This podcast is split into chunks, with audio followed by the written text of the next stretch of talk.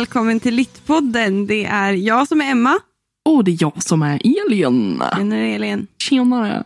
Nu vill jag säga, innan vi kör igång vill jag bara säga att de håller på att renovera lägenheten bredvid oss. Så att om det hör att det bara så valde de idag, inte att det var vi som valde fel dag, utan det är de som valde fel dag att renovera på.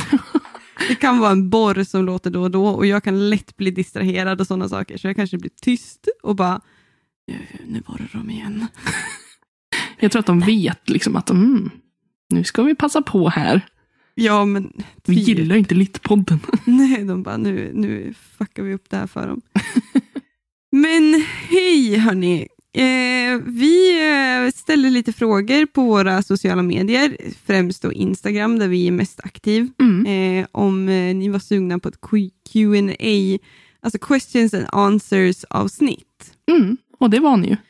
Jävligt taggade var ni på det. Mm. Eh, det är vi också, typ.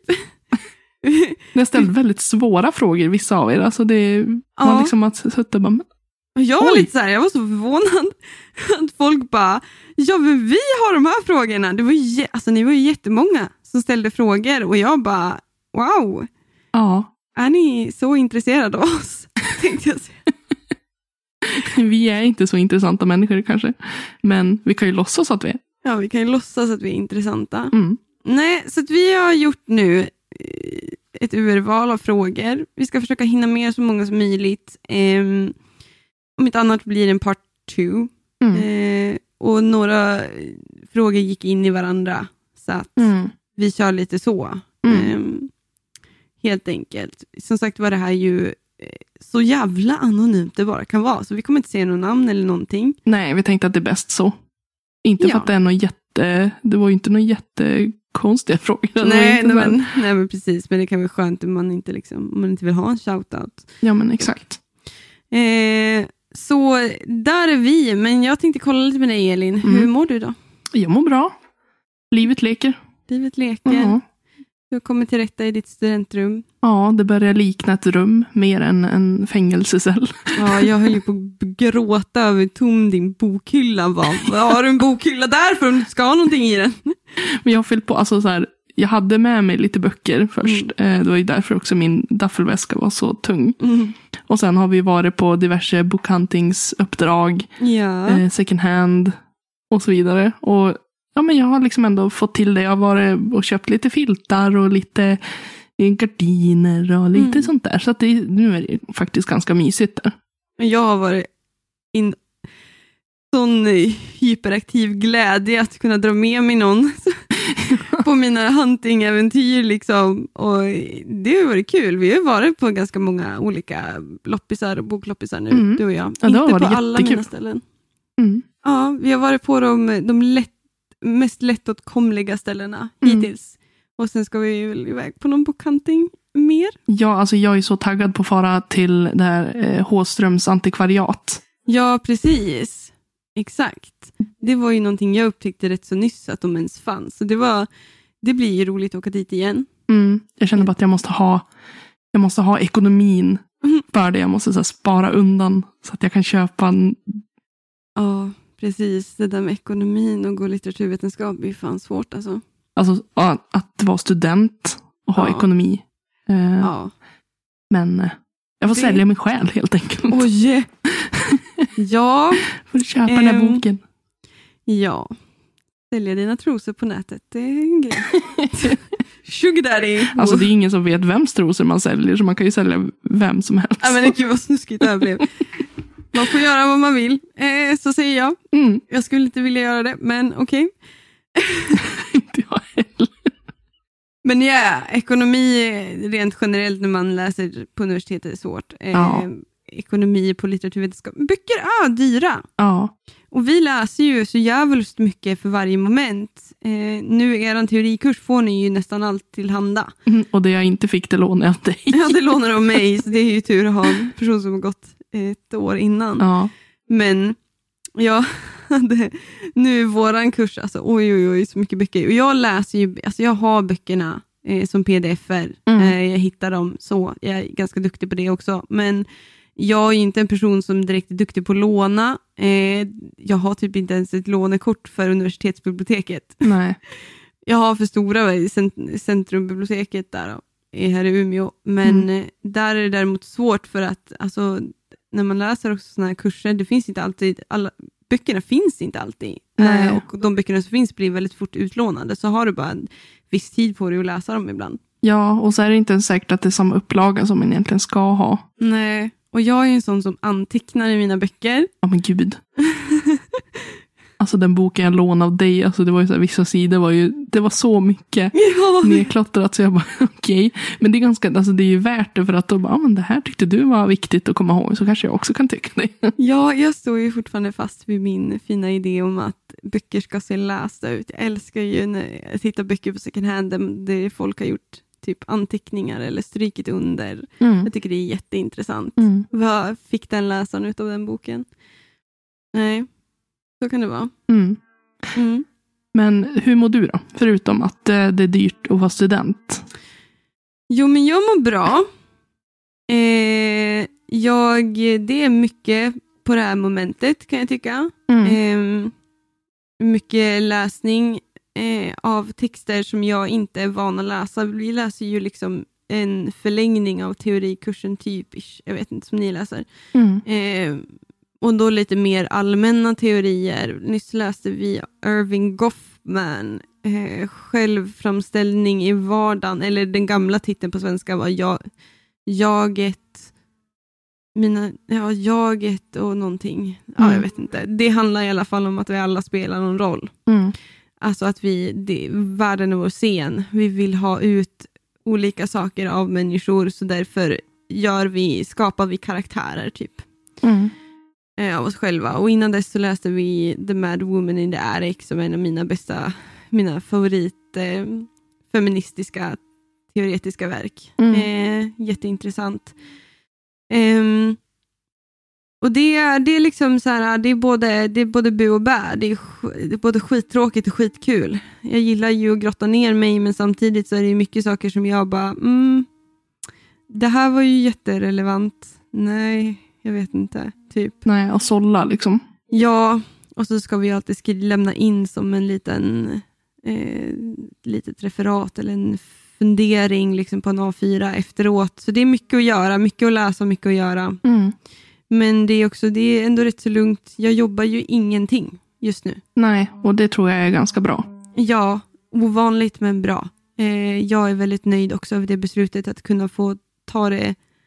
Det finns ingenting som pockar på min uppmärksamhet annat än skolan.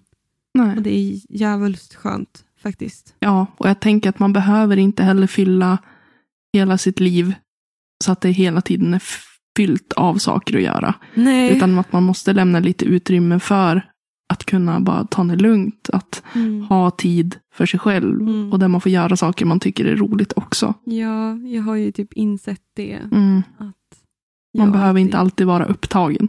Nej, och att vila är någonting man behöver göra. Mm. Ehm, så det, det är bra faktiskt. Så.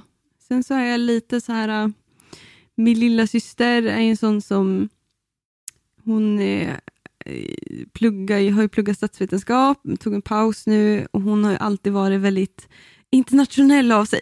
Eller vad man ska säga. Hon har alltid varit flygt och flängt. Eh, hon bodde i några år i Tanzania till exempel och lärde sig prata swahili och jobba med sånt. Eh, hon vill ju hålla på med sånt där med bli, vill bli typ diplomat eller någonting. Mm. Ehm, hon ska iväg nu på ett uppdrag och flyger nu när alla restriktionerna släpps och hon har fått helt sin, hon är helt fullt vaccinerad Mm. så åker hon och ska jobba i Guadalupe, Gu- Guadalupe, Guadalupe. Ja, där i Karibien någonstans och blir borta ett år så att det börjar närma sig tills dess. Hon och jag är väldigt nära. Mm. Så att jag är lite, inte ledsen, jag är rätt så van nu, men det kommer bli väldigt tomt utan henne. Mm. Så att, ehm, kul. Kul, men inte kul. Kul men inte kul. Kul för henne, tråkigt för mig. Men det blir skitbra. Ja, jag tänker också att eh, det är tur att det finns Zoom och sådana grejer nu för tiden. Ja, Man kan ju åtminstone se varandra. exakt. Även om det inte är samma sak så går det ju liksom att umgås och se Precis. varandra. Ja, jag är glad för hennes skull. Hon är ju inte, hon har mått jättedåligt under pandemin. Mm. Det här är att, att vara fast i Sverige, vara fast i en stad i Sverige, i sitt lilla rum. Alltså hon, jag tror hon är en sån person, hon är skapt för att resa runt och möta nya människor och Mm. hålla på med internationella relationer. Det är vad som driver henne. Så jag Mm. tror att hon kommer bara blomma ut. Mm. Jag tror det blir jättebra. Ja, lycka till. Ja, lycka till Fia-Lotta. Om du lyssnar. Hoppas jag du gör. Ja, annars jävlar. Ja. Nej, men eh, som sagt, idag ska vi hålla på med Q&A. Vi har Mm. lite frågor, vi har papper framför oss. Vi kanske har några svar. Vi får se om vi har några svar. Men eh, ska vi bara... Vi bara kör igång. Vi tänker att vi läser varannan fråga och så bara gör vi Ja, vad som händer. ja men vi kör.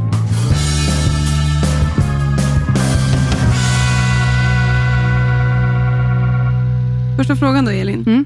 som vi fick. Eh, ska jag börja? Ja, det är du som börjar. Eh, skriver ni eller vill ni skriva en egen bok? Jag skriver, Mm. det gör jag. Eh, Mm. Rätt så mycket. Mycket på anteckningar i min telefon. Mm. Eh, har väl nämnt det några gånger i podden att jag tycker om att skriva små, små korta eh, dikter då och då. Mm. Skrev faktiskt en dikt nu till min guddotter inför hennes dop som jag läste upp där. Första gången någonsin jag läser upp en dikt inför någon. Mm. Så. Jag har läst upp kanske för vänner, för dig, Mm. typ. Ja, det är stort att liksom ställa sig framför så många människor och bara bjuda på det, det som Ja. kommer inifrån. Ja, och jag tycker ju, alltså som sagt, jag skriver ju gärna. Mm. Har jättemycket berättelser, har ju vuxit upp i ett berättande hem. Liksom. Ehm, men har ju svårt det där med att presentera någonting som kanske inte är färdigt eller Mm. jag själv inte kanske tycker är bra än. Men jag, jag skriver väldigt mycket och jag tycker det är väldigt kul och jag håller faktiskt på att skriva på en sak som skulle bli en short story för att det är det jag gör. Jag skriver short stories. Jag är jättedålig på att skriva längre för jag tappar intresset så jävligt fort. jag. Mm.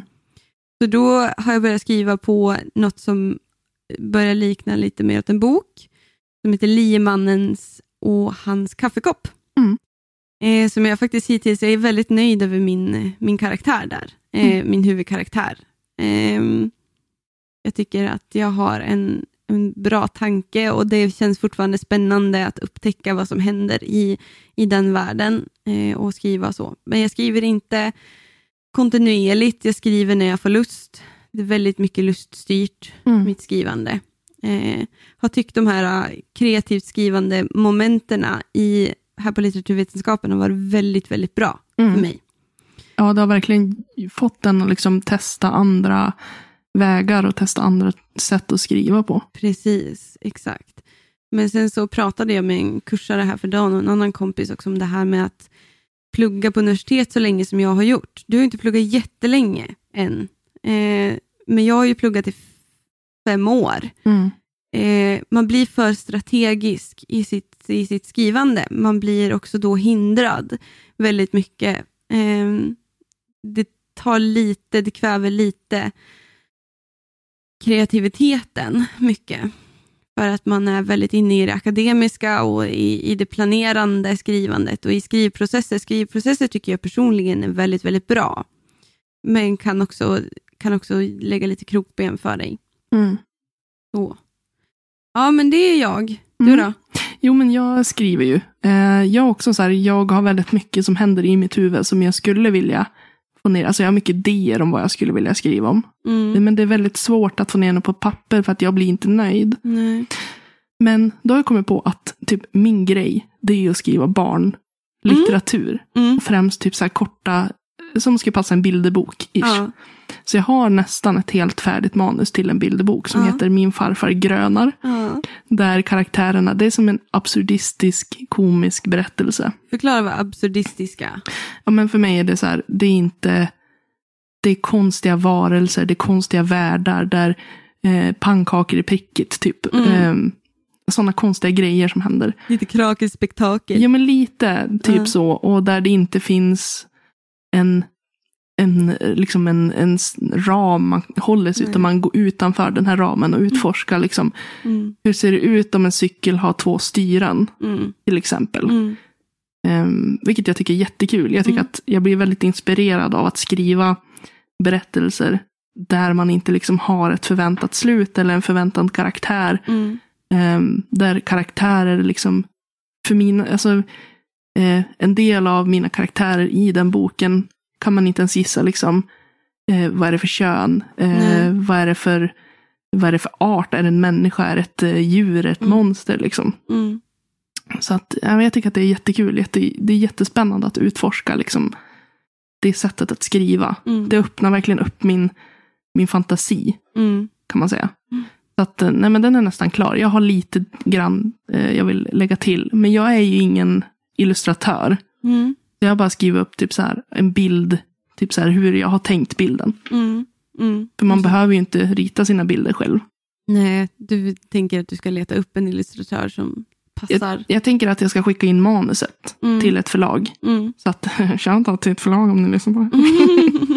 Nej, men för då kan ju de, om de vill ge ut manuset, om de tycker att det här, det här var någonting spännande, Mm. Då kan man komma, alltså då kan de eh, eh, liksom prata med, de kan ge förslag på illustratörer eller så, så här, ja men den här illustratören tror vi skulle passa det här manuset. Mm. Så att på så sätt eh, tror jag att det, det skulle ju inte vara något problem. Mm. Men jag tänker ändå att det är lättare att se manuset framför sig om man får förklarat ungefär hur, hur jag tänkte att bilden skulle se ut när jag skrev den. Ja, men precis. Så att, eh, nej men eh, barnlitteratur tycker jag är jättekul. Mm. Mm. Du vill gärna skriva en barnbok. Mm. Jag tror att du skulle vara en jätteduktig barnboksförfattare. Jag eh, tycker också om barnböcker. Jag tycker det är väldigt kul också. Mm. Skrev ihop också typ början på ett manus eh, till en barnbok till min andra guddotter. Mm. Ehm, som jag tänkte jag skulle liksom trycka bara för henne. Eh, sen vart jag aldrig klar för att, att be någon annan titta på det kändes jobbigt. Jag skickade till dig, Mm. eh, men var också lite så här, ja, du får ju ta, vi hörs om några år typ. Ja, alltså jag har ju börjat läsa den. Jag har inte hunnit läsa allt. Eh, men det jag har läst, det, jag tycker att det är fantastiskt. Det är jättefint. Mm, Jag tror att hon verkligen skulle tycka att det var roligt att få den också. Och ha Ja. den och växa upp och läsa. ja. Du är väldigt eh, så här, poetisk i mm. ditt berättande. Jag tycker ju om det. Jag tycker om eh, Jag tycker om att hålla på med metaforer och Mm. allitteration. Jag tycker om att hålla på med liksom intertexter och jag tycker om att hålla på att väva ihop någonting Mm. i mönster. tycker jag är väldigt kul. Mm. Eh, Just för att då lämnar man ledtrådar. Ehm, men liksom, ja men, ja men så svar till den frågan. Vi vill skriva en bok, vi håller på och skriver Mm. Så mycket vi bara kan. Sen om vi vill släppa en bok, du kanske är mer åt att du vill släppa en bok. Jag har inte bestämt mig än. Alltså jag vill ju åtminstone prova. Jag tänker att jag tror ju inte att jag någonsin kommer jobba som en författare enbart. Nej. Utan jag skulle tycka det var jättekul att ha, ha någonting att lämna efter sig. Mm. För det, tänk, alltså det är typ en av mina så här största grejer. Att jag vill, jag vill känna att när jag har levt mitt liv, att jag har liksom lämnat efter mig någonting fint. Mm. Och det skulle ju vara fantastiskt. Och liksom bara, ja, men jag har gett ut en bok eller två böcker. Mm. Eh, och sen, det, jag, jag tror liksom att det är väldigt svårt att slå sig in i författarbranschen där man enbart kan arbeta med det. I alla fall i Sverige. Ja, exakt. Mm. Om du, och så speciellt om du inte typ eh, skriver fantasy eller deckare eller Mm. sådär. Eh, men ja, Mm. vi skriver i alla fall. Mm. Nästa vad fråga. Är, nästa fråga är, vad är bästa versus sämsta bokgenren? Mm. Här, var vi, här var fanns det inte några gråzoner. Vad är bästa och vad är sämsta? Det är också väldigt, alltså så här, det finns ju alltid undantag. Ja, Eh, jag tycker att alltså så här, min bästa eh, är ju alltid romance. Jag gillar ju sappy grejer, alltså jag gillar ju när det är känslor och ja, och jag tycker den värsta, alltså det som jag inte skulle välja själv, ja. det är sci-fi. Är det så? Ja, men jag, Nej! Jo. Är det den sämsta bokgenren? Men alltså så här, vad, sämsta, det betyder inte att den är sämst för alla. Utan det är någonting så här, det är någonting jag verkligen inte skulle välja själv. Jag, jag tycker inte om, Liftarens guide till galaxen Ja. var ett undantag. Men, Jag gillar inte typ dystopiska världar, jag gillar inte typ aliens och eh, jordens undergång och mörka liksom. men alltså du är ju... Du... du är så triggad av att Vad i jag... helvete? Det är som att det är du som uppfunnit Jag sci-fi-genren blir och bara kränkt. hashtag kränkt. hashtag not friends anymore. Nej men det är väl typ så här. Om, om jag får välja så väljer jag hellre romance. Och om jag får undvika en genre så undviker jag sci-fi. Okej. Ja, men eh, min bästa genre är svår. Mm.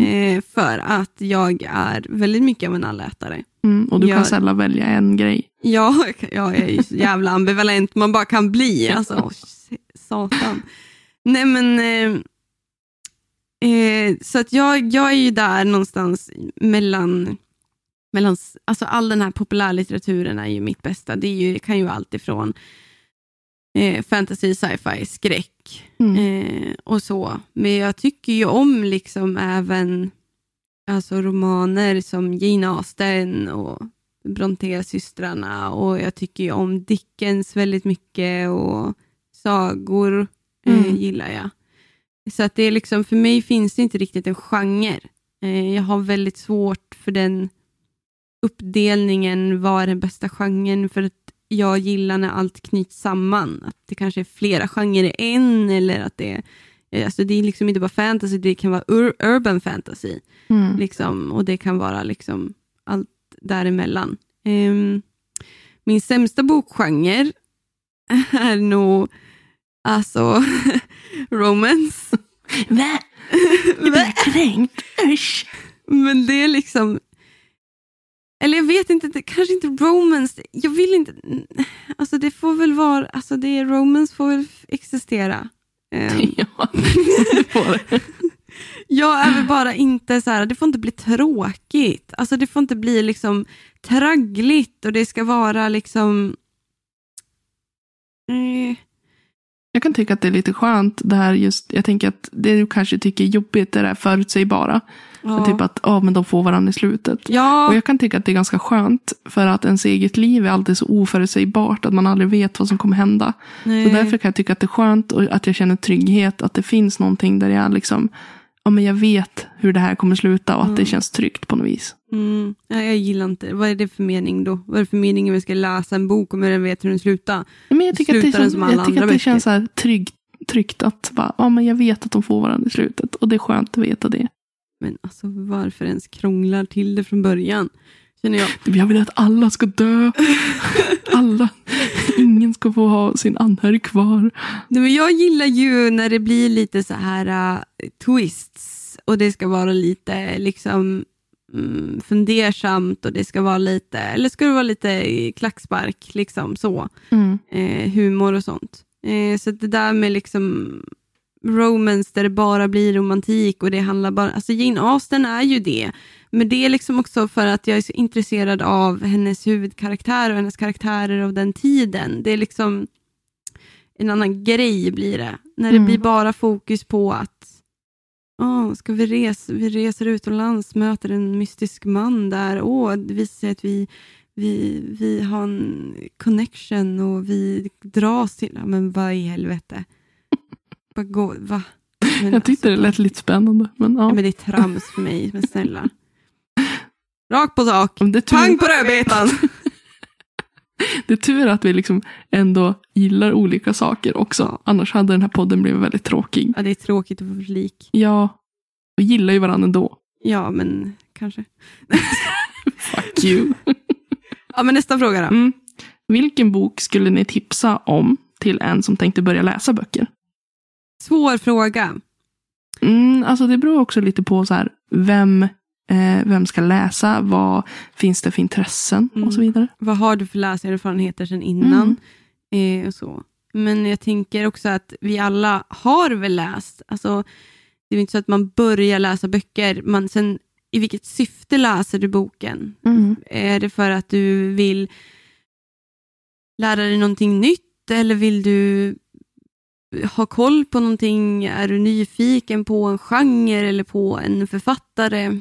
Men jag tänker att om man är en sån som är i föreställningen om att jag är en sån som inte läser, Mm. jag läser inte böcker, då kan jag tycka det är bra att först och främst börja och läsa på det språk man är bekväm med. Mm. Alltså, läs inte en bok på engelska om du inte är så bekväm att läsa på engelska. Mm. Mm, utan läs då kanske på svenska eller på ditt eh, modersmål. Eh, och sen så tänker jag alltid eh, att det är bra att börja lägga ribban låg. Eh, barnböcker eller eh, un- yngre unga vuxna böcker Mm. är skitbra för det mesta eh, och jättespännande. Och korta brukar de oftast vara.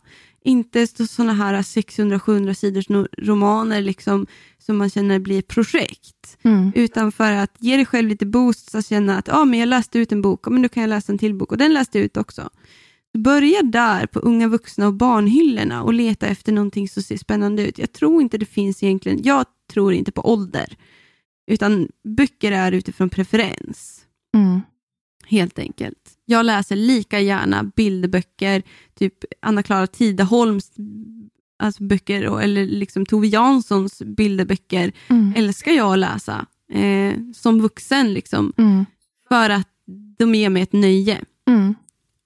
Och jag tror liksom att det där är någonting som man ska, liksom, om man nu vill, börja mjukt. Helt enkelt. Och fråga vänner runt omkring dig.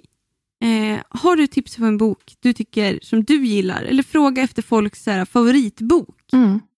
Tror jag är kul. Mm. Då läser man utöver syftet än sin egen vilja att läsa, utan då läser man utöver syftet för att någon annan tyckte om den här boken. Ja, ah, men okej, då blir jag positivt inställd mot boken om jag litar på den personen. Mm. Det, det är mitt tips. Mm. Jag tänkte ju, alltså, jag tänkte också precis som dig, typ så här YA-böcker, young adult-böcker. Mm.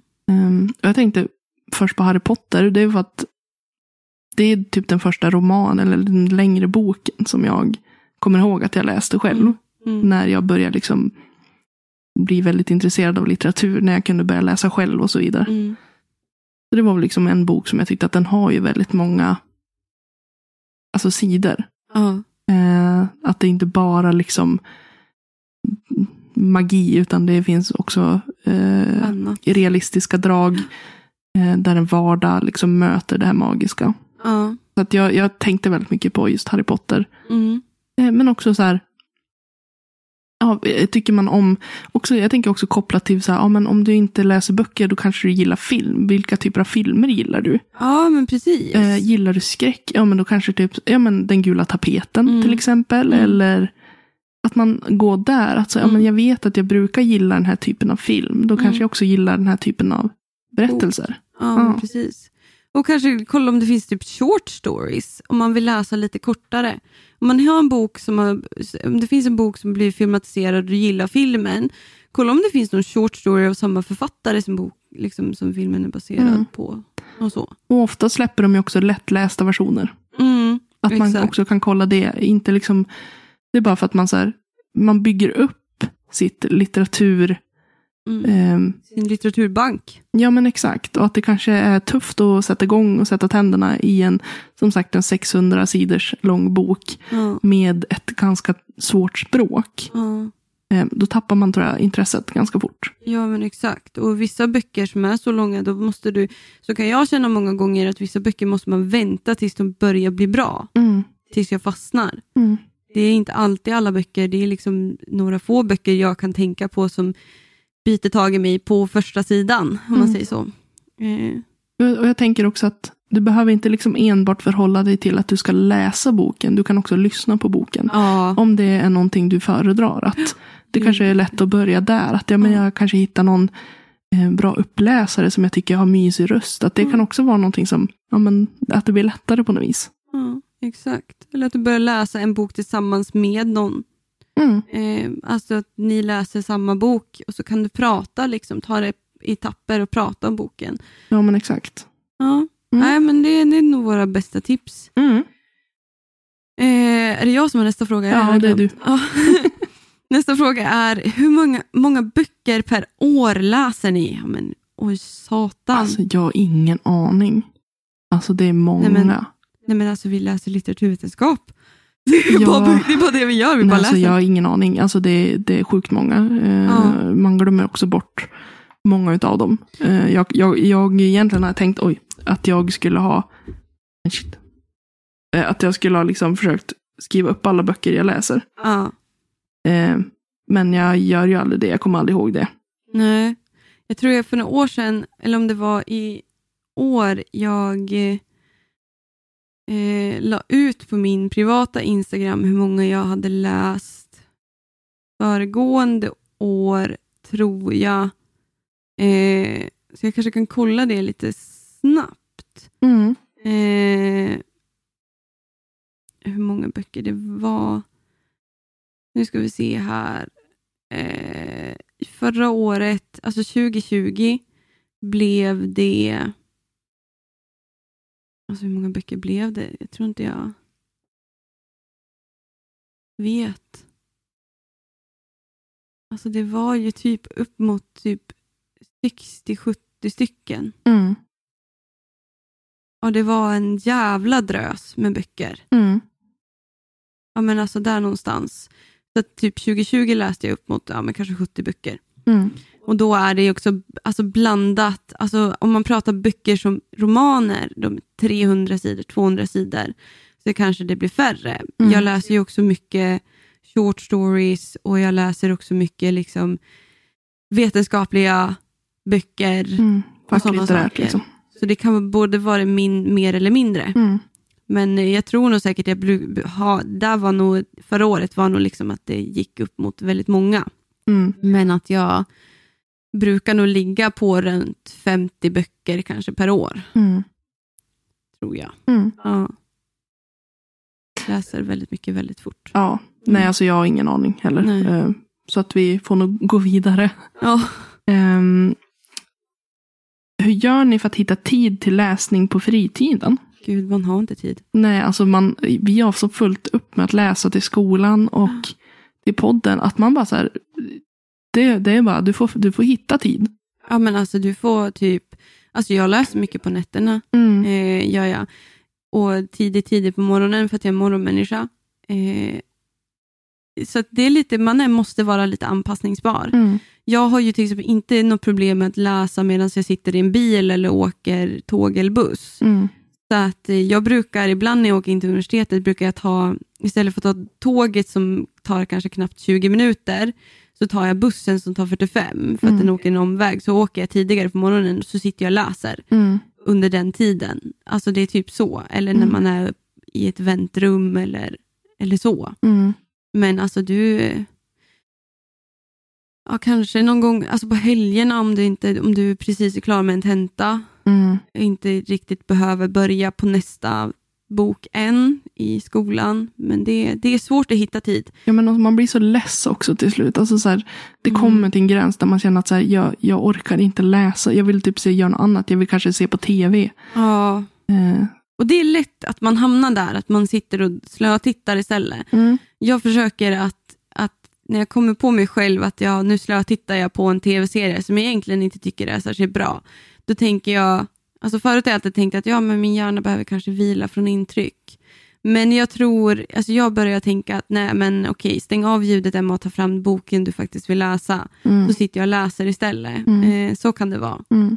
Men alltså det, delvis är det så att alltså, tiden vi hittar till läsning är ju läsningen som vi gör genom, genom vår utbildning. Så Mm. har det varit när jag varit på ämneslärare också. Men sen måste man vara jävligt flexibel liksom, med vad och vars man läser. Mm. Helt enkelt. Jag brukar ju ofta, om det är skönlitterära böcker vi ska läsa, Ja. så brukar jag ofta se om den finns som ljudbok. Mm. För att då, då kan jag göra grejer medan jag lyssnar på boken. Mm. Då, det, det, jag känner som att jag är liksom, Mm. jag gör flera saker samtidigt, vilket gör att min tid blir mer effektiv. Eh, och är det så att jag måste läsa en bok, ja, men då, får, då har jag ofta så här att ja, men jag, jag läser typ hundra sidor nu. Mm. Jag läser ganska fort. Mm. Och så känner jag, när jag känner att jag börjar bli less då efter Mm. hundra sidor, då unnar jag mig själv att göra någonting annat. Mm. Så att man inte är så här, ah, nu måste jag läsa klart hela boken, utan Mm. ha milstolpar och bara så här, unna dig att göra någonting, ta en Mm. paus, eh, gå och ät någonting, gå och titta på någonting du vill titta på. Mm. Ehm, jag tror att det, det funkar ganska bra för mig Mm. i alla fall. Mm. Jag är ju väldigt välsignad med en snabbläshjärna. Mm. Eh, Jag kan ju läsa ut böcker alltså på flera på 400 sidor på en dag. Mm. Ehm, om jag har den tiden över. Så det är jag ju tacksam över. Mm. Att jag har fått den fördelen. Men annars är det helt enkelt vara flexibel och Ja. ta sig tiden. Mm. Och ibland prioritera bort skola eller jobb för att läsa. Inte jobb då kanske, men liksom prioritera läsning. Mm. Läsa på lunchen eller något sånt där. Mm. Men inte låta det gå ut över hela ditt liv. Jag tänker att låt det inte bara gå ut över dina relationer eller så, utan vad, Nej. vad är viktigt just nu? Mm. Eh, det behöver inte alltid vara läsningen. Ibland, Nej. för ibland har vi också kommit till den insikten att vi har kanske tänkt att vi ska läsa Mm. visst mycket till ett poddavsnitt och sen Mm. inser att det finns inte tid och jag har, jag har inte orken, jag har liksom inte möjligheten. Och då har vi sagt att det är okej. Mm. att Vi, vi löser det. Ja, men eh, släppa på förväntningarna lite grann. Ja. Ska vi gå vidare till nästa fråga kanske? ja, vad var det? Det var jag igen nu då. Mm. Eh, ha, vem av er vinner armbrytning? Alltså det är ju lätt jag. Ja, okej. For sure. Jag går bara vidare till nästa fråga. Ni får tro det. Vilka stereotyper har ni bland olika unilinjer? Litteratur, språk, statsvet och så vidare. Jag tycker att det här är så spännande. Alltså, Ja. jag, jag berättar ju liksom för dig att typ mina stereotyper av vad, liksom vad folk, när folk går liksom på olika utbildningar har ju verkligen omkullkastats eh, sen jag liksom började prata med människor utanför min, mitt eget program. Ja, Eh, och för jag tänkte, ja men de som pluggar kemi, fysik och de, de måste ju vara jättefokuserade på skolan Mm. och jätteordentliga och så här. mm. Aldrig hört om värre fester. Någonsin. Alltså, jag tänker inte ens berätta vad jag har hört här i podden. För att det var så här, jag bara, vänta, är det här på riktigt? Eller skämtar du? Eller? Mm. Men alltså, det- ja, det är också en sån grej att man, att ha såna här stereotyper, det, det liksom, man blir alltid överraskad. Mm. Alltså stereotyper för mig har alltid varit lite så här, äh, är svårt att vad, vad man menar med stereotyper. Om det är alltså karaktärsstereotyper eller om det är utseendestereotyper. Alltså man kan ju typ titta på utseende eller typ klädstil. Jo. Så ser man ju vilka som går humanist. Mm. Alltså det är ju oftast de som är lite, antingen lite Estetisk. ja, men lite estetisk. Precis, man har en egen, man har lite mer åt en egen stil. Kanske väldigt mycket second hand eller Vintage. Ja, vintage precis. Eller att man går åt ett annat håll. Men det kan också finnas en, det kan skilja sig där. Det kan finnas de som är riktiga så här mode, fashion eh, personer. Sådana har man ju sett också i humanist. Mm. Eh, Medan typ de som går jurist, de är ju oftast väldigt prop och ekonomi. De går ju oftast i väldigt propra kläder. Typ kostymer och Ja. märkeskläder och sånt där. Exakt. Men eh, det är någonting som du ofta har sagt, att typ så här, Mm. lärare, besserwissrar och litteraturvetare är eh, pretentiösa. pretentiösa. Absolut. Det där tycker jag det finns stereotyper. Mm. Eh, absolut. Och det tror jag faktiskt har att göra väldigt mycket med alltså, grupppsykologi någonstans. Eh, en, en lärare, vi blir ju utbildade i att vara de som ska nästan veta mest Mm. om ett ämne eller en situation i klassrum. Ehm, så att det är lätt hänt att man har mycket allmän kunskap för att det krävs av en ens utbildning för att vi faktiskt blir utbildade i det. Ehm, och då också är väldigt säker på det vi kan. Mm. Ehm, en liten litteraturvetare romantiserar gärna, ser jag, eh, sin utbildning och det man gör eller man romantiserar den plågade författaren. Liksom, Mm. jag tänker liksom så. Men sen så försvinner det där, tycker jag, väldigt mycket ju längre man går på universitetet. Eller så man orkar inte upprätthålla den där eh, karaktären. Nej. Den är ju väldigt statisk. ehm, och sen så finns det ju eh, utöver liksom den allmänna besserwissern på lärarhögskolan så finns det ju också skillnader i stereotypiska beteenden mellan ämneslärare och ämneslärare. Mm. Man ser idrottslärarna, de, de går ju omkring och är liksom väldigt eh, skittrevliga. Typ. Jag har aldrig träffat en otrevlig idrottslärare. Men de är också väldigt tuffa, väldigt rappa och rakt på sak och sådana Mm. saker. Medan kanske en, en bildlärare, de är väldigt mjuka och väldigt så här inlyssnande. Kanske lite liksom eh, mer konstnärliga även i, liksom, i deras estetiska stil. Mm. Liksom, och så. Eh, men när det kommer till stereotyper eh, kring kön eh, så ser man ju att i humanist så finns det ju en överrepresentation i de humanistiska ämnena av kvinnor. Och bland de vetenskapligare, alltså typ eh, teknik och, eller ingenjör och matte, de här, eh, så ser man att det är, det är överrepresenterande bland män Mm. oftast i klasser. Och det, det kan vara lite sorgligt att se på universitetet. Det, de, det finns manligt och, ko, manligt och kvinnligt kodade liksom, eh, inriktningar, Mm. om man säger så. Och det, det kan jag tycka är tråkigt, för där försvinner man ju ofta i, i smeten. Liksom. Mm. Men en stereotyp jag har, eh, som jag tror verkligen stämmer, för jag har hört den från flera håll, det är att Mm. läkarstudenter är de värsta festbrissarna. Har inte du också hört det? Typ att Ja. de har de sjukaste festerna någonsin.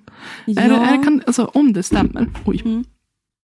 Är det så att de så bara förbereder sig för att de vet att när de är färdigutbildade, att Mm. livet kommer vara, det kommer vara liksom, det är på allvar, det är tufft. Att man då passar på och bara köttar järnet när man pluggar.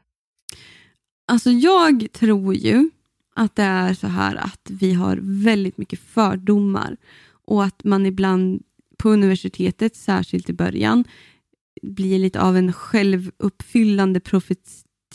Mm. Så. Jag tror att läkarstudenter eller jurister har man ju hört mycket rykten om också, eh, festar mycket också för att det förväntas att det ska vara lite raidigt. Liksom, så. Mm. Men jag kan tycka att alltså, när jag började lärarhögskolan, nog, nog var det stökigt på fester och Mm. hårda fester. Ja. Sådär så att jag valde att undvika. Sen är inte jag en festprisse alls, eh, men så att jag valde att undvika kanske många gånger.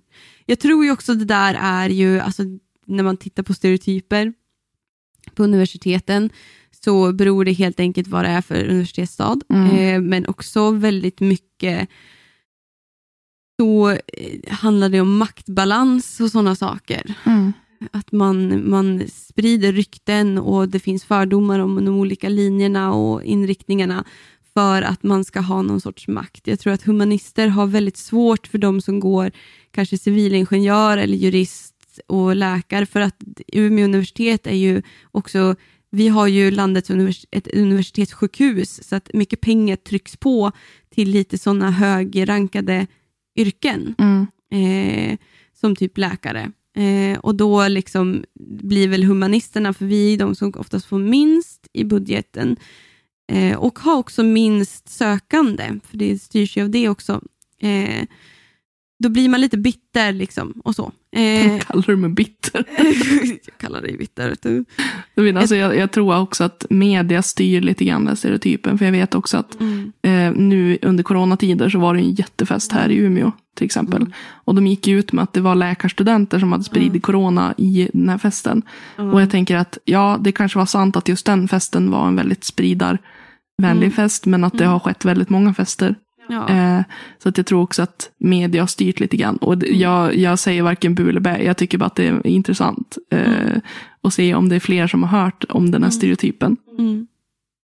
Men så, ja, så det där är ju väldigt intressant. Sen så tror jag också man börjar, om man tittar på rent utseendemässigt, alltså klädstil och sånt, så tror jag att ju närmare du, du kommer din examen eller din legitimation, desto mer klär du dig utifrån att du faktiskt jobbar när du är på universitetet. Jag märker ju det att jag ändrar ju stil när jag går på universitetet till att se ut, att för att jag representerar ett yrke Mm. också. Liksom att jag är närmare min legitimation och jag är närmare mitt yrke. Jag klär mig som jag går till jobbet. Mm. Liksom. Jag klär mig i mina lärarkläder, jag har min, min, min styrsel liksom, för det och så har jag andra kläder på privat, liksom, Mm. på fritiden. Jag tror att där kommer det också mycket stereotyper. Ja, men det är intressant att höra att ni undrade kring stereotyperna, Mm. men eh, som sagt, det är svårt eh, att, säga, att pinpointa specifika stereotyper, men Mm. nog finns de. Ja, absolut. Eh, vidare till nästa fråga då. Hur kom ni fram att ni ville skapa en podd? Här är en väldigt intressant fråga. Ja, det var ju du Elin. Mm, det var jag. Vi hade inte känt varandra så jättelänge. Jag tror att det var första gången jag var här och hälsade på dig. Eh, vi hade träffats en gång på skolan. Ja. Sen hade vi bara börjat snacka lite grann på Mm. eh, Messenger. Och du sa, men du kan gärna få komma hit någon dag om du vill plugga. Liksom. Det var ju när coronan slog till, eh, när det Mm. blev distans. Mm. Och så satt vi och surrade, vi pratade väldigt mycket om litteratur. Och Mm. jag bara så här, ja men fan vad kul det hade varit att starta en podd. Och du bara hängde på. Ja, alltså jag kom, sa, berättade för dig idag att det, åren tidigare, innan vi träffades, Mm. när jag gick ämneslärare, så pratade jag en kursare om det där, kursare om det där, att jag saknade lite en läsarpodd eller en bokpodd som var, kändes gemytlig, eller liksom lite så här, som inte kändes så svår eller så jätte, jättenischad åt ett håll. Eller liksom, det, det kan lätt bli så när man pratar om böcker Mm. och litteratur att det blir en väldigt hög nivå eller att det ska visas lite, oj kolla vad jag kan. Mm. Och jag, jag funkar inte i sådana saker. Jag är ju nyfiknast av alla tänkte jag säga. Mm. Så jag, jag ville ha med liksom lite mer häng, Mm. snack. Typ det Ja. vi faktiskt hade rent privat. Mm. Liksom. Det du och jag hade. Ja men exakt. Och det var ju som jag berättade för dig också. Att jag pratade med en kompis igår om podden. Och hon sa, ja men ni är så himla folklig. Ja. Och det, jag tyckte att det var en sån fantastisk komplimang. För att det är precis den känslan vi vill åt. Att så här, ja. Vi är inte mer än någon annan. Vi är bara två vanliga människor. Som det, vi bara uppskattar att läsa. Och vi Mm. gillar att snacka om det. Och sen Mm. också att om vi kan få en person att liksom bara säga, åh men gud vad Mm. kul att läsa. Mm. Jag vill, jag vill börja läsa, eller jag vill läsa mer, eller jag vill läsa Mm. andra genrer än vad jag brukar göra. Mm. Då blir vi jätteglada. Det är typ Mm. hela vår, alltså det är typ grejen. Det var ju liksom lite vår tanke, liksom, om man ska säga det, vår, vår lilla pitch var ju Mm. det att sänka ribban, att göra läsning och samtalet om böcker mer alltså, lättillgängligare. Så att det, det finns att folk börjar bli liksom lite, men jag är en läsare. Mm. Det är så många gånger jag har haft kompisar som, som aldrig någonsin velat prata böcker med mig som kommer fram nu och pratar om böcker med mig eller skriver till oss om att de har börjat läsa och att de inser att men jag är ju visst en läsare. Jag är inte en dålig läsare eller jag är inte sån som inte har läst liksom förut. Nej. Jo, det har du ju. Du bara liksom har kanske inte pratat om det för att man kanske inte alltid vågar. Nej. Och det känns som att ändå att många har valt att vilja prata mycket om det här med böcker och litteratur och litterärens, den litterära världen med oss då för att vi gärna är sådana som säger lite som det är, men vi kan inte allt. Nej. Vi vill gärna veta mycket, men liksom, vad är det som finns problematiskt? Vi tycker mycket och sådana Och saker. ibland får man ta oss med en nypa salt. Att Ja, vissa saker vi säger kanske liksom, ja.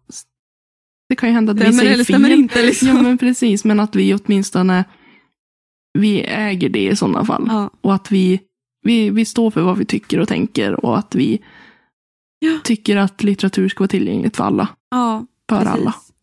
Exakt. Mm. Nästa fråga är eh, Hej Emma och Elin.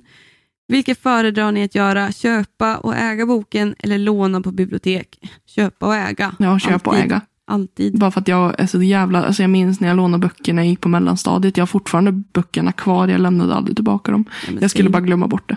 Low key boktjuvar. och nästa fråga då? Mm. Eh, eh, eh, om ni skulle ge bort en bok i present, vad skulle ni välja då? Det är jätte, jättesvårt. Ja, eller svårt och svårt. Eh, Det är beroende på vem du ger bort den till. Jo, enkelt. naturligtvis. Att man vill ju ändå veta så här, ja, gillar du dikter och sånt där, ja men då kanske man ger bort en diktsamling som man själv tycker är Mm. fin. Eller Mm. gillar du fantasy så kanske Mm. man väljer någonting. Alltså det beror helt på vem man ska ge bort den till som Mm. sagt. Jag, jag tycker att det är jättekul att ge bort barnböcker till barn. Alltså, Mm. Mm. Men där är det lite svårt att veta exakt vad de tycker om. Mm. Ja, alltså jag tänker ofta så här typ till barn så ger jag gärna bort, då tänker jag lite mer så här, eh, då är jag lite mer rakt på sak liksom. Då ger jag bort oftast Mumin eller Mm. Bröderna Grimm eller typ en, en barnbok med typ så här eh, som stärker självkänsla eller har något sånt Mm. fint budskap. Till, till vänner eller till vuxna, då ger jag alltid, det, det beror på om, om det är en inbiten läsare eller inte, men jag ger bort en bok som jag vill att andra ska läsa. Mm. Oftast. den här boken vill jag ge till dig eh, och så. Mm. Eh, men sen så kan det vara också så här om det är en person som jag känner behöver en tröst, behöver fly bort i en bok, då brukar jag välja en bok utifrån det. Men oftast är det från min egen preferens. Mm. Vad jag vet själv, eh, att jag tycker det är bra. Eh, så får vi se om den tycker den är bra. Det behöver inte betyda att det ger bort en dålig present. Det är Nej. bara som det är. Den kan ju stå i bokhyllan om inte annat. Eh, nästa fråga var, fick er, er, ja, vad fick er att bli inbitna läsare? PS, tack för era episka avsnitt. Alltså, Åh, jävligt det gulligt. är så gulligt. Ehm, ja, För mig, alltså jag, jag, jag minns ju att jag har ju alltid tagit del av sagor. Eh, Min farmor speciellt var ju väldigt mycket för att läsa sagor för mig. Och jag var väldigt, liksom, jag ville att hon skulle läsa. Oftast väldigt mycket också. ja, Eh, så att det började ju redan när jag bara var ett par år gammal. Att Mm. så här, allt, alla barnböcker som fanns nästan som gick på dem och ville att hon skulle läsa. Och sen har jag alltid känt också en stor eh, längtan efter att få fly undan. Jag är väldigt, jag gillar att vara social, men jag är också en introvert mm, människa och därför är det viktigt för mig att kunna fly undan och vara själv. Vilket jag tyckte var väldigt skönt att kunna göra när man läser eller bara också, jag har ju sagt förut att jag är också väldigt mycket för att titta på tv-serier och film och så. mm, Och jag känner samma sak där, att jag får fly undan lite grann från min egen verklighet, min eget liv liksom. ja. Jag kommer från en väldigt läsande familj. Min mamma har alltid läst mycket. Eh, även när hon var yngre. Så att den är nog väldigt så här... äh, Den är nog, den är nog väldigt, eh, vad ska jag säga, att jag blev en inbiten läsare vart nog väldigt mycket av ren en, en litterär läsande familj. Mm. Och så är det ju, tänker jag. Finns det böcker hemma och mamma och pappa läser, barn gör som barn som föräldrar gör. Liksom.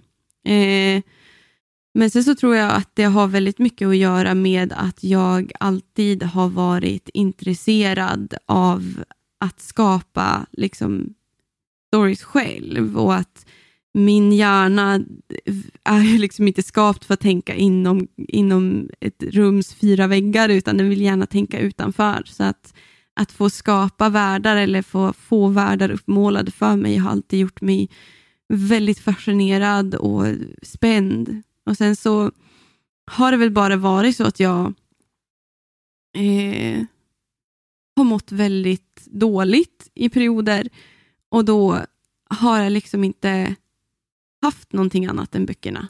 Mm. Eh, och då att få fly undan, som du säger, då, Mm. har varit en, en jättestor trygghet. Och då liksom allting som är med läsande har alltid varit associerat för mig med värme, kärlek, trygghet och, och lycka. Liksom. Mm. Även om kanske inte alltid läst lyckliga böcker, liksom, men, Nej, men själva känslan av att få läsa. ja, men att det finns någonting mer. Mm.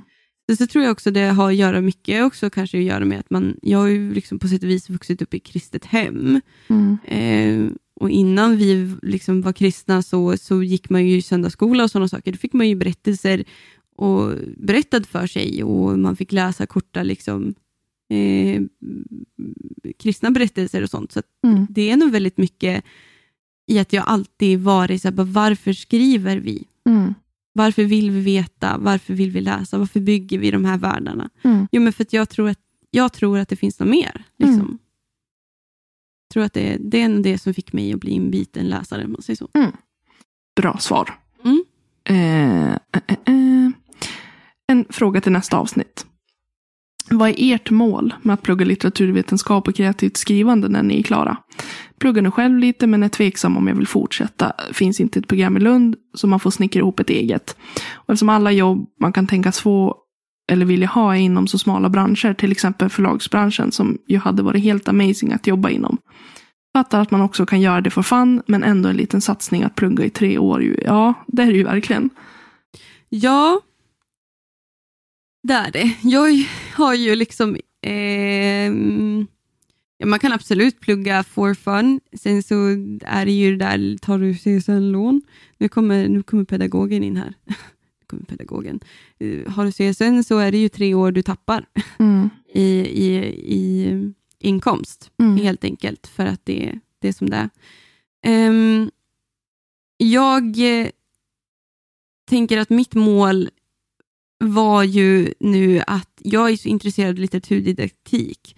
Alltså jag brinner ju för att få barn och unga att intressera sig för, för, för böcker och berättelser och skrivande. Mm. Eh, Så för mig kändes det naturligt att sen gå in då att, att nischa ner mig. Eh, Mm. Vill ju gärna, ett, mitt mål någonstans är ju just nu för stunden kanske att skriva min magister och sen skriva min master och sen se om det finns några doktorandtjänster. Vi får se. Mm. Ehm, det finns ju inte alltid.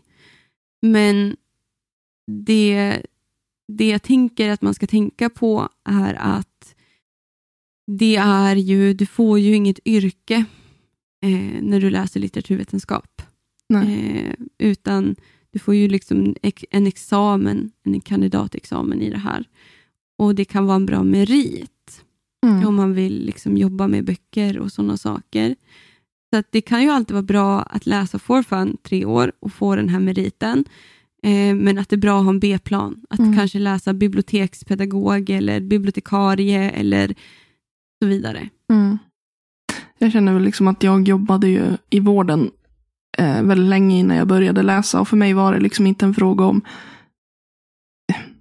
att ja, känns det värt att läsa det här. För mig var det liksom att jag måste göra någonting som jag känner att jag brinner för och som jag tycker är kul. Mm. För annars, det tar för mycket på min mentala hälsa att gå kvar i det här. För jag mådde så dåligt liksom till Ja. slut. Att jag, jag blev stressad. Eh, jag kände liksom att mm, vad ska jag göra med mitt liv? För att jag, jag kan, jag sitter fast. Och jag känner ju att jag har, jag har växt väldigt mycket under de här åren som jag har Mm. pluggat. Och jag tycker att det genuint är kul. Och jag känner att det här är ju någonting jag brinner för. Och som jag tycker att jag också är bra på. Jag Mm. tycker att jag är duktig på eh, det, det som kommer till det litterära. Mm. Och sen tänker jag att allt, även om det kanske låter väldigt så här hippie, eh, men att allt löser sig. Att jag hittar, jag, jag kommer att hitta det jag ska göra så Mm. småningom. Det kanske är en jättesvår väg att gå. Mm. Och det kanske kommer vara jobbigt stundtals. Men att jag kommer att hitta någonting som gör mig lycklig att jobba med. Så jag tänker att jag gör klart de här åren och sen får jag se vilken väg jag går sen. Mm. Eh, alla upp, vägar är liksom öppna för mig. Mm. Det är väl typ det. Men exakt. Mm. Vi går vidare till nästa fråga kanske. Ja.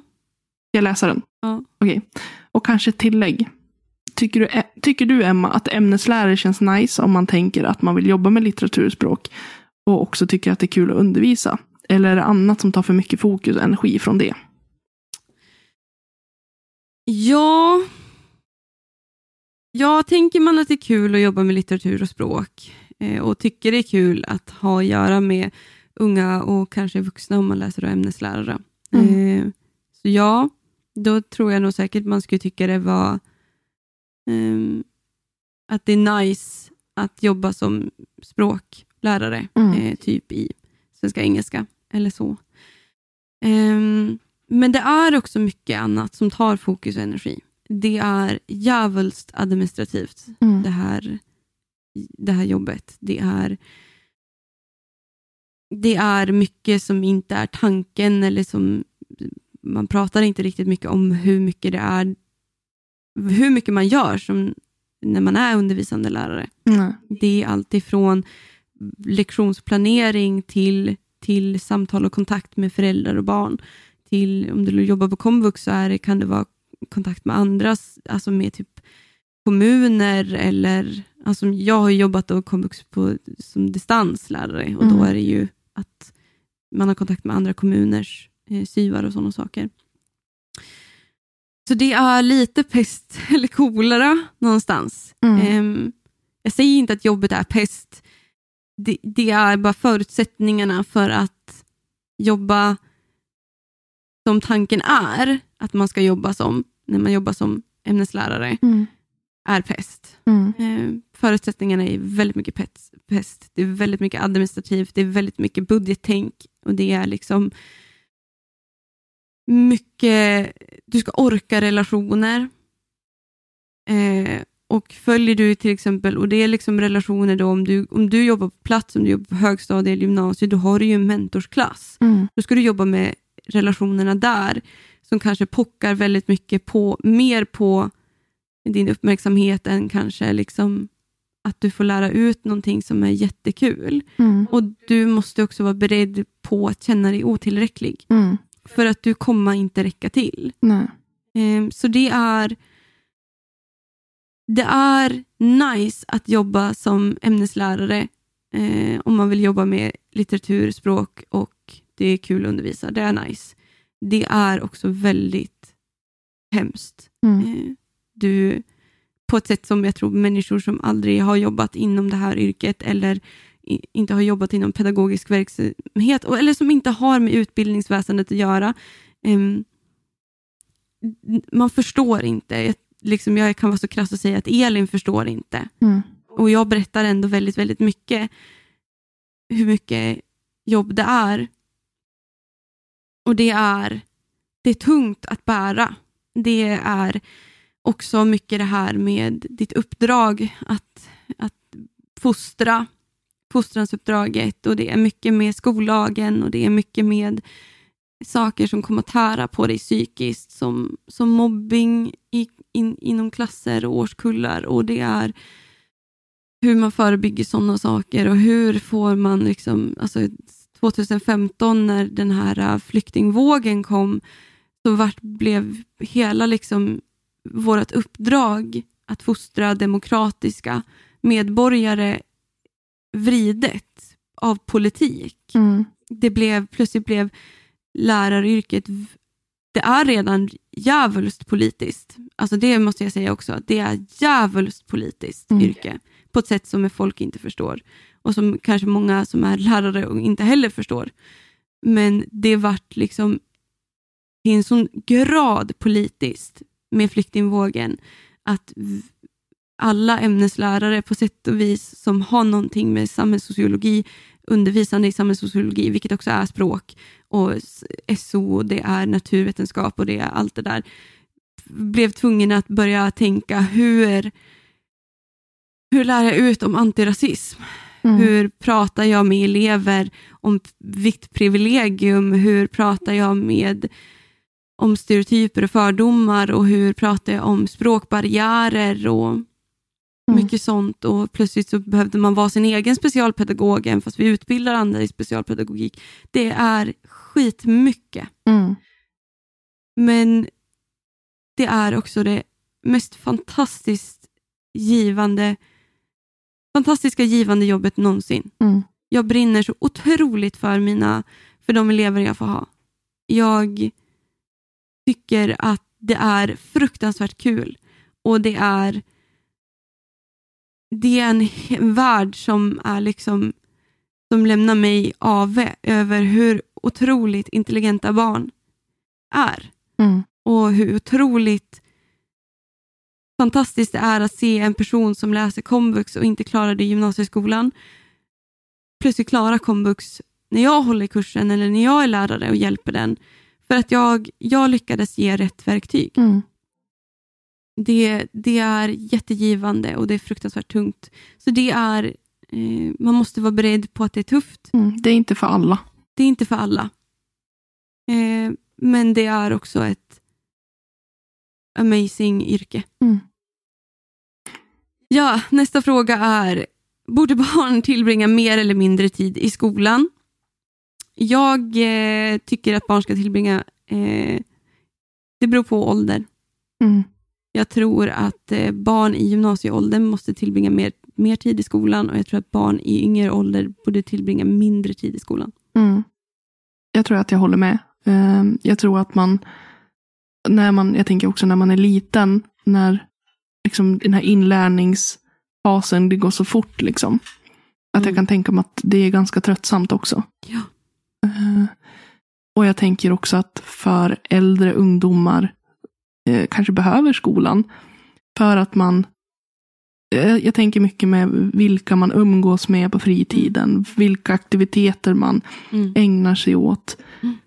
Att jag tror att skolan är ett bra verktyg till att motverka också Mm. kriminalitet eller att man hamnar snett. Mm.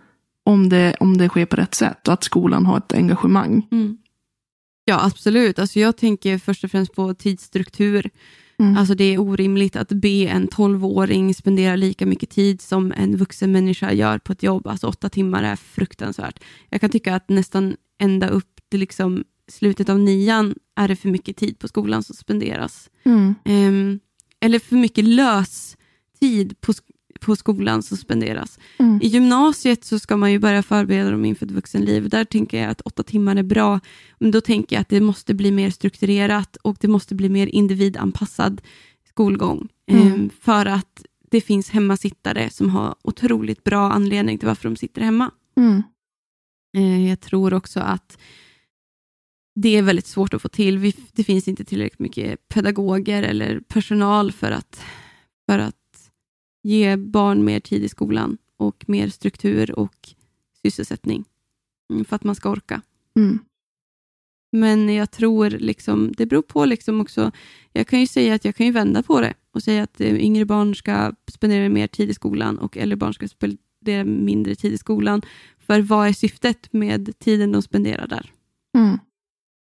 Liksom, om det, syftet är att de ska få utveckla sociala kontakter, då, men yngre barn, då kanske de ska få spendera lite mer tid. Mm. Eh, äldre behöver inte det, för att de har ju sina gäng, sina vänner. Man kanske måste börja tidigare menar du? Vad sa du? Man kanske måste börja tidigare menar du? Jag tror, att, eh, jag tror ju på liksom, som sagt, individanpassad utbildning. Alla är inte morgonpigga. Nej. Vissa behöver, vissa kommer igång efter två. Eh, och då kanske deras skoldag kör igång. Jag tror att det där är jättesvårt. Det beror helt på personen, på eleven En stor fråga. och skolan. Ja, Så vi- jättestor. Kanske ska gå vidare. Ja.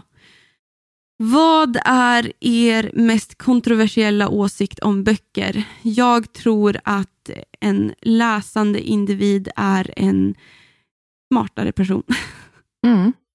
tror jag. Jag tror också det, för jag tror att man lär sig mer om världen och sina medmänniskor. Jag tror att man lär sig, lär sig mer om sig själv också. Mm. Ehm, Jag tror att läsandet ger oss saker som vi inte får någon annanstans. Jag tror att vi blir språkligt bättre. Eh, eller vi, vi, jag säger inte att jag är det, bara för att jag läser mycket, men jag tänker att en läsande person är liksom en person som, som får väldigt mycket språkkunskap, men också väldigt mycket samhällssociologiska eh, perspektiv eh, satta i berättelser och jag tror att du blir mer historiskt kunnig och du blir bättre på källkritik. Mm. Vill Ja. du höra min kontroversiella åsikt? Jag tror att folk inte tänker på att många böcker inom deckargenren är skit, utan de bara så här, åh, jag vill läsa deckare, så därför läser jag det här. Att mycket bara är så här, skrivet för ett kommersiellt syfte, liksom att tjäna pengar. Och att många böcker bara så här, Oj! Jävlar vad hård du var! jag tror att det där är så här kvantitet före kvalitet många gånger. Oj, oj, oj, oj, oj. Mm. Oj, oj, oj, oj, oj, oj, oj, oj. Ha. Hmm. Okej, I see. Jag tror att det är så här, det är så, nu är det ju liksom på tapeten att skriva deckare, det är väldigt efterfrågad genre. Ja, Och om man vill slå in i den genren och bli stor och tjäna pengar, ja, då är ju deckargenren verkligen så här optimal. ja. Eh, och att eh, man återanvänder stories som, alltså så, det cirkulerar, det är liksom väldigt mycket samma sak. Okej, Eh, okej. och Har du att- läst så mycket deck- deckare att du kan basera det? Liksom? Jag har läst eh, tillräckligt liksom. Ja, okej. Eh, och Shit. Nej, jag, alltså, alltså tycker man att det är bra, men tycker man att det är bra för att det är bra? Eller tycker man att det är bra för att det är typ så här, ja men det ska tillhöra genren liksom att Ja, alla andra säger att den är bra, så att jag säger väl också att den är bra. Eller, ja, Okej, du, du tänker så. Mm. Eh, Jag säger smaken är som baken. Du, det, det finns olika anledningar för alla att läsa. Ja men nu skulle det vara kontroversiellt. Jag, jag vet, jag ville bara försöka. Jag ville bara, Du bara vill försöka dämpa det här, men nu vill jag vara kontroversiell. Åh, du var så jävla Jag har hård. inte- Jag har aldrig ja, hört dig vara jag, så jag har inte hängt ut någon. Eh, Jag bara säger rent generellt så tror jag att det är så. Men ja. Okej, nästa fråga då. Vilken är er favorit bland mytologiska berättelser? Uh, alltså mytologiska berättelser som är specifika berättelser eller my mytologier. För min, min favoritmytologi är ju alltid nord, den nordiska eh, mytologin. Snorre Sturluson, eller den prosaiska. Den, Mm. Ehm, mm, men eh, jag gillar ju de flesta berättelser om Loke. Jag tycker han är en väldigt rolig karaktär. Mm. Mm. Jag, minns, Eh, ja. alltså jag minns typ när jag var liten. Eh, jag tror att eh, det, det var ett kassettband som vi spelade på dagis. Som hette Månen går med långa ben, tror jag den hette. Okej. Med Bäckahästen. Att Bäckahästen Ah. kom och jagade barnen. Och eh, man blev förstenad, tror jag det var. Ah, okej. Så här, jag tycker att det är alltså, typ, mytologiska väsen tycker jag är ganska coolt. Du gillar folksagor. Mm. Mm. Eh, men det är inte så, här så att jag eh, är jätteinsatt. Ja. Jag läste ju för övrigt nu, jag tycker jag även om den grekiska mytologin, jag läste nu Kirke, eller Mm. Circe. Eh, den boken gillade jag av Madeleine Miller. Eh, så jag känner så här, den, nu, jag går liksom, när jag var yngre gillade jag mer grekisk, nu gillar jag ju nordisk då. Men alltså jag börjar känna lite så här, nu när jag läser, nu vill jag läsa The Song of Achilles, att jag börjar bli lite så här, ah, men alltså grekiska mytologin är nice. Mm. Jag, tycker särs- jag tyckte väldigt mycket om det, Kirke, om henne som karaktär och, och så. Mm. Ja, men ett litet boktips. Lite boktips. Mm. Ja. Ska vi gå vidare? Vad är grejen med sköldpaddor? Alltså jag får grejen med sköldpaddor. Terry Pratchett är grejen med sköldpaddor. Small gods, the god Om. Yes, det är grejen med sköldpaddor. Alltså så här, Heck, I'm a tortoise! har du sett videos på sköldpaddor när de when they're doing it? Och så bara Det är grejen med sköldpaddor. De är vicious små small creatures. De är amazing. de är klok. de är kloka. De man ser att de är kloka. Galman Alltså, i Bamse. Vet ja, alltså. Mm. Nej, men det är grejen med sköldpaddor, att de, eh, de är cool. Eh, tror ni att tiden är linjär? Följdfråga, tror ni tidresor kan vara möjligt? du. Åh, roliga frågor. Jag tror inte att tiden är linjär. Jag tror att det, alltså jag tror, jag, jag tror verkligen på typ så olika dimensioner och sånt där. Ja. Och jag tror att eh, man kan leva många parallella världar samtidigt. Mm. Och jag tror att tidsresor är absolut möjligt. Mm. Eh, skulle vara skitkul att få uppleva liksom att de upptäcker det. Eller att de Mm. gör det. Eller att man, allmänheten, jag tror att det kanske finns. Mm. Eh, allmänheten eh, kanske får tillgång till det någon gång i framtiden. Mm. Men jag vet inte om jag ska utnyttja det. Mm. Jag ska absolut inte resa framåt i tiden. Mm. För jag tror att det går också. Mm. Eh, men jag vet inte. Alltså, så här, vill man veta, vill man uppleva saker. Det kan kännas väldigt spännande i tanken och sådär. Mm. Men jag tänker också, vad händer om man inte kan ta sig tillbaka? Vad händer om man förstör? Jag tänker att det Mm. jag råkar göra Mm. när jag reser tillbaka eller reser framåt är att förändra Mm. eh, liksom tidsloppet. Att, Mm. att man liksom förändrar framtiden och Mm. historien. Jag tror ju att tiden är linjär. Jag tror att vi är unika. Mm. Eh, jag tror att ingen kan leva det liv som du lever. Jag kan, tror inte heller att eh, vi har egentligen något parallellt, annan eh, parallell person liksom, till oss själva som tog ett annat beslut. Eller, jag tror att varje beslut du tar definierar dig och gör dig oumbärlig för universum. Mm. Jag tror att det finns ingen som dig. Jag tror att man är otroligt viktig. Även den som upplever att den är den minsta, mest oviktigaste personen tror jag är viktigast i det här universum. Universumet skulle inte fungera utan dig där. Mm. Ehm, tidsresor för mig är en annan grej. Jag är jätteintresserad av sånt, särskilt i, i stories, i litteratur och i böcker.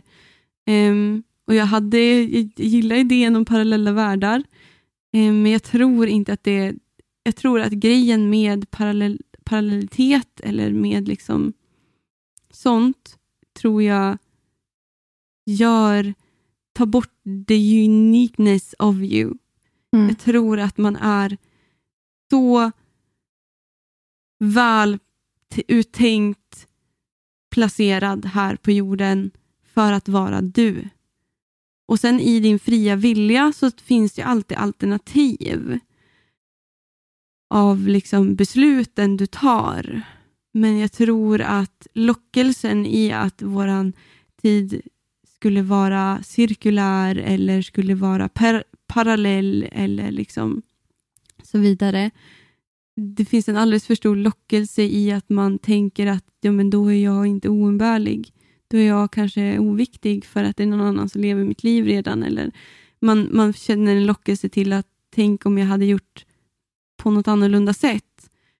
Och då, då säger jag liksom bara att, att det, det som händer dig i livet, det kanske inte var uttänkt att hända dig, men det hände.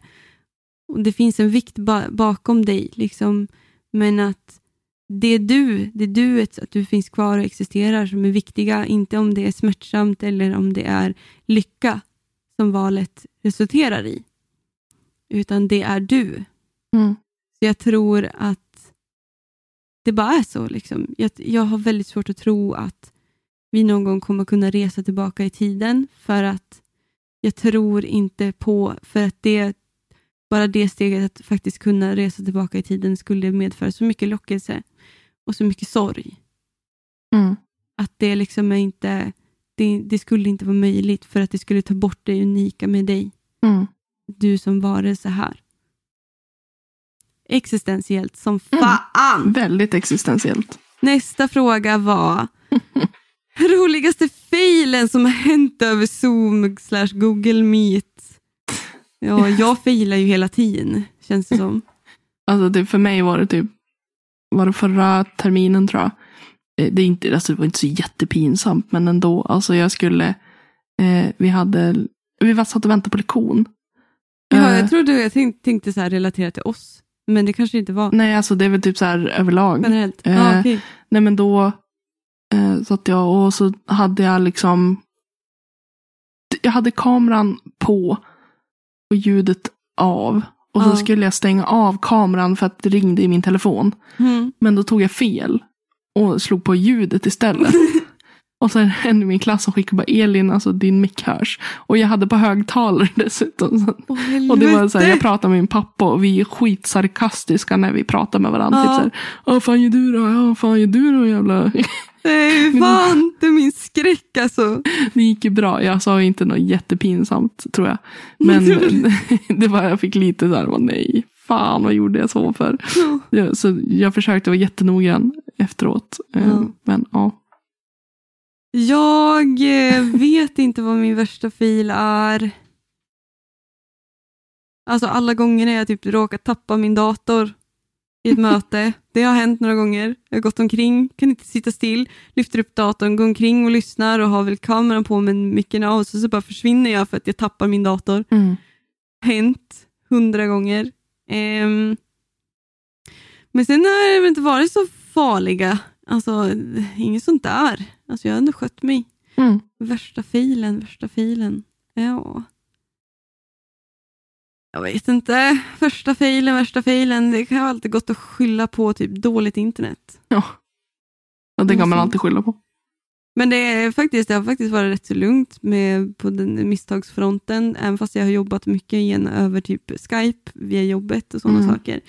Då har det liksom inte varit någon kris och katastrof eller någon jävla fail från mitt håll.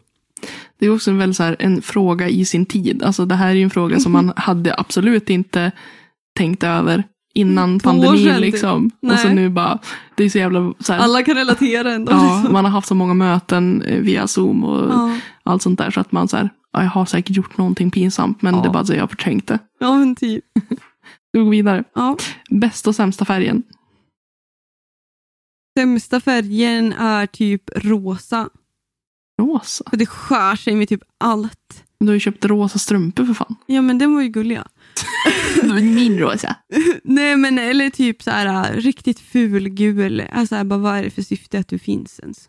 Mm. En riktigt ful gul, alltså som inte typ är så här knall, knallgul, alltså skrikgul, utan de här urblekta gula. Mm. För mig är nog typ så här värsta typ blandning, eller så här gränsen mellan brun och orange. Det är så här 70-tals, Men jag kan tycka de är lite sköna. nej alltså jag, nej alltså så jävla svårt för, för sånt, usch. Men eh, typ bästa färgen, kan man Svart. säga att svart är en Svart. färg? Är svart en färg? Det är ju väldigt Det är en färg. Ja, nu vissa är det säger bara att så. svart. Ja, svart. Eh, we love. Mm -mm. Vad skulle era självbiografier heta och vilken skådespelerska, eller skådespelare, skulle spela er i filmatiseringen. Eh, galenskap och ADHD, tror jag vi skulle veta. nej, nej, galenskap, eh, sarkasm och ADHD. Nej, jag vet inte, jag har ingen rolig. Nej. Ung och dum och sarkasm. Ung och dum och ADHD kanske. Inget filter skulle den heta. Inget filter! Åh, det var så jävla bra namn! Det Elin sa. Inget filter. Inget filter. Självbiografisk skildring av Emma Grahn. Åh, Min skulle Ja. heta Stela ögonblick. stela ögonblick. Va? Jag är så jävla awkward. Jag kommer på mig själv. Jag bara. Jag är för fan värst av alla i hela världen. Nej, men åh, jag, jag vet. Inget filter och Göteborgshumor ska min Nej men det, nu förstörde du. heta. Du förstörde titeln. Vad sa du? Alltså du förstörde titeln. Förstörde det. Kränkt. Eh, men vem skulle spela oss då? Alltså, jag Ja. hade jättesvårt att komma på en kvinnlig skådespelare så därför säger jag en manlig. Seth Rogen. Jag tycker det är aspassande. Han är rolig Han han. får gärna spela mig. Mm. Ehm, jag skulle nog vilja... Ja, men jag, också, jag vet inte, kanske skådespelerska. Emma Stone kanske? Mm. Eller Anna Kendricks. Ja, Anna Kendricks tror jag också skulle vara, Ja. ja. vara kul. Men sen alltså manlig skådespelare, det är typ Tom Holland för att han är så awkward och pratar så mycket. Eller typ eh, Steve Carell, han är The Office. Är chefen där. För att jag relaterar så mycket till han som chef. jag tycker han är så kul i den. Jag gillar den karaktären. Jag älskar han i Bruce den allsmäktige. när Ja, han så här men alltså Blir ja. så här, via prompten att han blir typ Evan besatt. så den allsmäktige. Ja. Nej men han är med i Bruce den allsmäktige också. Okej, är han det? Det är där han börjar liksom. Ja. Nej, jag har ingen skådespelare. Jag kanske typ så här, någon rolig, typ Babben Larsson. ja. Hon kan få spela mig också. Varför? Nej, vad du? Det är nu. Varför har Emma inte läst Borta med vinden och tvingat Elin att läsa den? Hashtag kränkt. Det är för Ja. att du tjatar för mycket. Det här är Charlotte.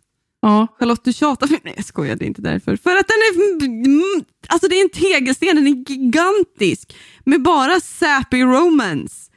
That's tycker- why. jag tycker också det är så roligt att de bara antar att du kommer tvinga mig. Vilket är typ sant. Det är typ snarare så här att Elin kommer inte bli tvingad. Hon bara, ja men borta med vinden, det känns ju ändå helt... Jag, jag tror att det är större chans att du lyckas få mig att läsa en Charlotte än Emma.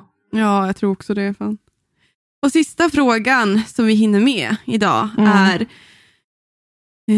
eh, om ni skulle välja endast en litterär epok att läsa för resten av livet, vilken? Jag skulle nog välja, det står mellan modernismen och romantiken. Mm. Jag är med dig. Romantiken väljer jag. Ja.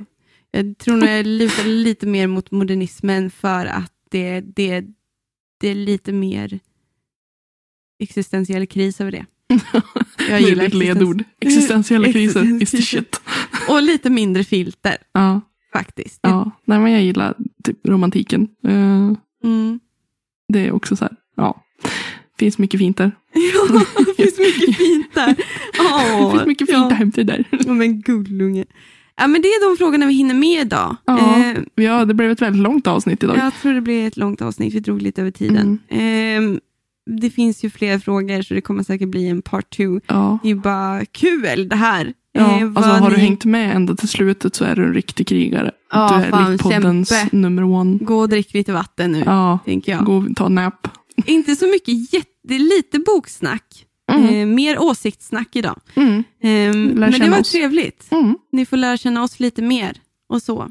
Ja. Eh, och så får ni fortsätta skicka in frågor så kanske vi kan köra in att vi ställer liksom, kanske lägger in så här, per avsnitt veckans fråga eller sånt där. Mm. Jag skickar en fråga om ni känner att ni vill och så tar vi upp den när vi ska spela in. Ja men exakt. Vi älskar att fundera med er Mm. helt enkelt. Och det var kul, jävligt roliga frågor. Ni är så jävla roliga allihopa. Ja. Alltså så jävla smarta lyssnare och så himla härliga och engagerade och superhärlig humor. Jag tycker det är jättekul. ja, puss på er. Puss på er. Ja. Nej men eh, det här var ju bra. Det här Ja. kändes bra. Eh, Vi- och ses. Nej, vi ses inte. Vi fan ses ingenting alls. Vi, Vi hörs. hörs. Vi hörs. Vi hörs. Ha det bra. det. Hej.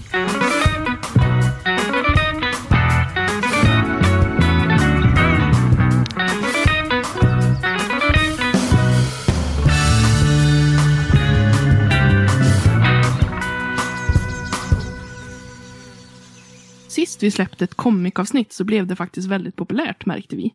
Så vi tänkte att vad fan vi kör ett till då. Men den här gången vill vi ha fokus på kvinnliga karaktärer i comics. Så om du har ett förslag om en särskild comic som du vill att vi tar upp kan ni gärna DM oss. Så hörs vi snart. Du har lyssnat på Littpodden med mig, Elin Oslin och Emma Granholm. Musik och klipp av Magnus Kjellson och Robert Granholm. Management av Ida Berglund. Tack hörni för att ni har lyssnat.